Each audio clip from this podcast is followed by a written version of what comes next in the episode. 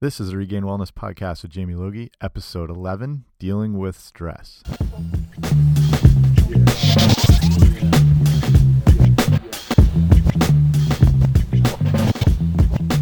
Okay, guys, this is Jamie. Welcome back to the Regained Wellness Podcast. This is the 11th episode, and this should be coming out on a Tuesday, which is just a couple days before New Year's. And this episode is all about stress, and I'm going to keep it pretty short as to not overwhelm you with too much information. As I find this is a time of year where there is a lot of stress during the holidays, getting together, functions, uh, plans for the new year, what you're going to do in the new year when it comes to your health or resolutions, anything of that matter. So we're going to get right to it. And stress, without a doubt, has to be one of the most overlooked aspects of getting healthy and well. We're pretty good now at recognizing that we need to eat better, exercise, take care of ourselves, but when we allow stress to creep in, it practically can undo a lot of the great work we have done. If you think stress is not physically affecting you and your body, you really need to keep listening on here to get an understanding of what they really are now calling the silent killer. So, what is stress? Stress is simply how your body reacts to potentially harmful situations. And what is of most importance it does not really matter if that stress is a real stress or a perceived stress. So that's important to remember for later. During times of stress, your body reacts with the release of chemicals and hormones that are there in us to help prevent injuries or trauma. And most people know this as your flight or fight response. And I think most, yeah, everyone is aware of that.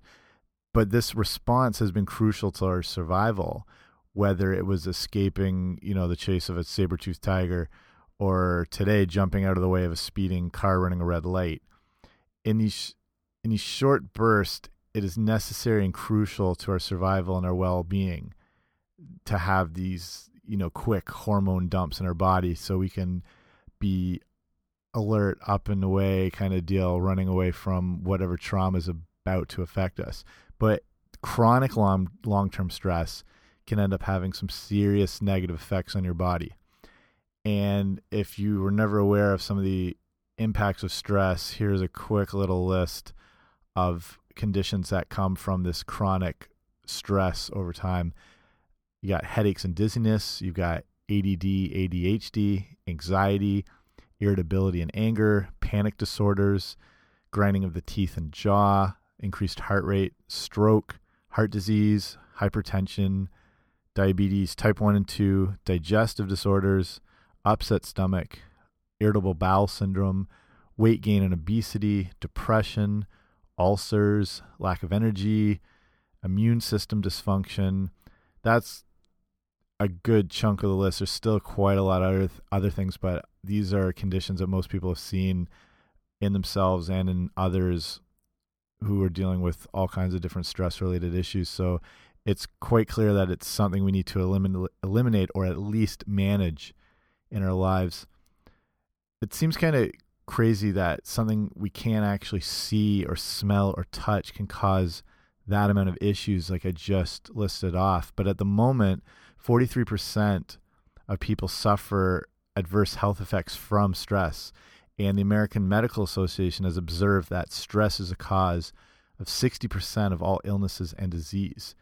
And even doctors say 75 to 90% of all office visits are for stress related ailments. And complaints by the Occupational Safety and Health Administration, the OSHA, declared stress as a hazard to the workplace and that it's costing the American industry more than 300 billion annually, billion with a B. It's time to really recognize that stress can take a terrible hold on our lives. In people need to recognize that it has evolved over the centuries from worrying about adequate shelter, weather, into worrying about harvesting crops, uh, to now it's become stresses of war, the workplace, financial stress. It basically it doesn't matter where it's coming from, our body reacts the same way. So where else does stress come from? The three things that put stress on the body are first your environment, so this can be weather threats, heat, cold, stuff like that, crowded cities, pollution. It's kind of a constantly changing list depending where you live in the world. If you live in cities, countries, um, or out in the country, I mean, stuff like that. Uh, the second thing that puts stress on the body is your body. So this can be when you are run down, sick, ill, not getting enough sleep, not feeding yourself correctly, not exercising, that sort of thing.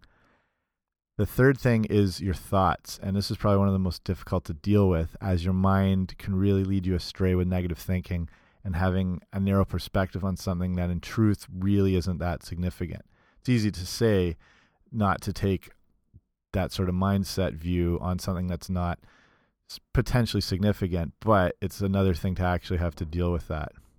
So, first steps to dealing with stress psychologists say that one of the first things that needs to be done when you're dealing with stress is to identify where the stress is coming from.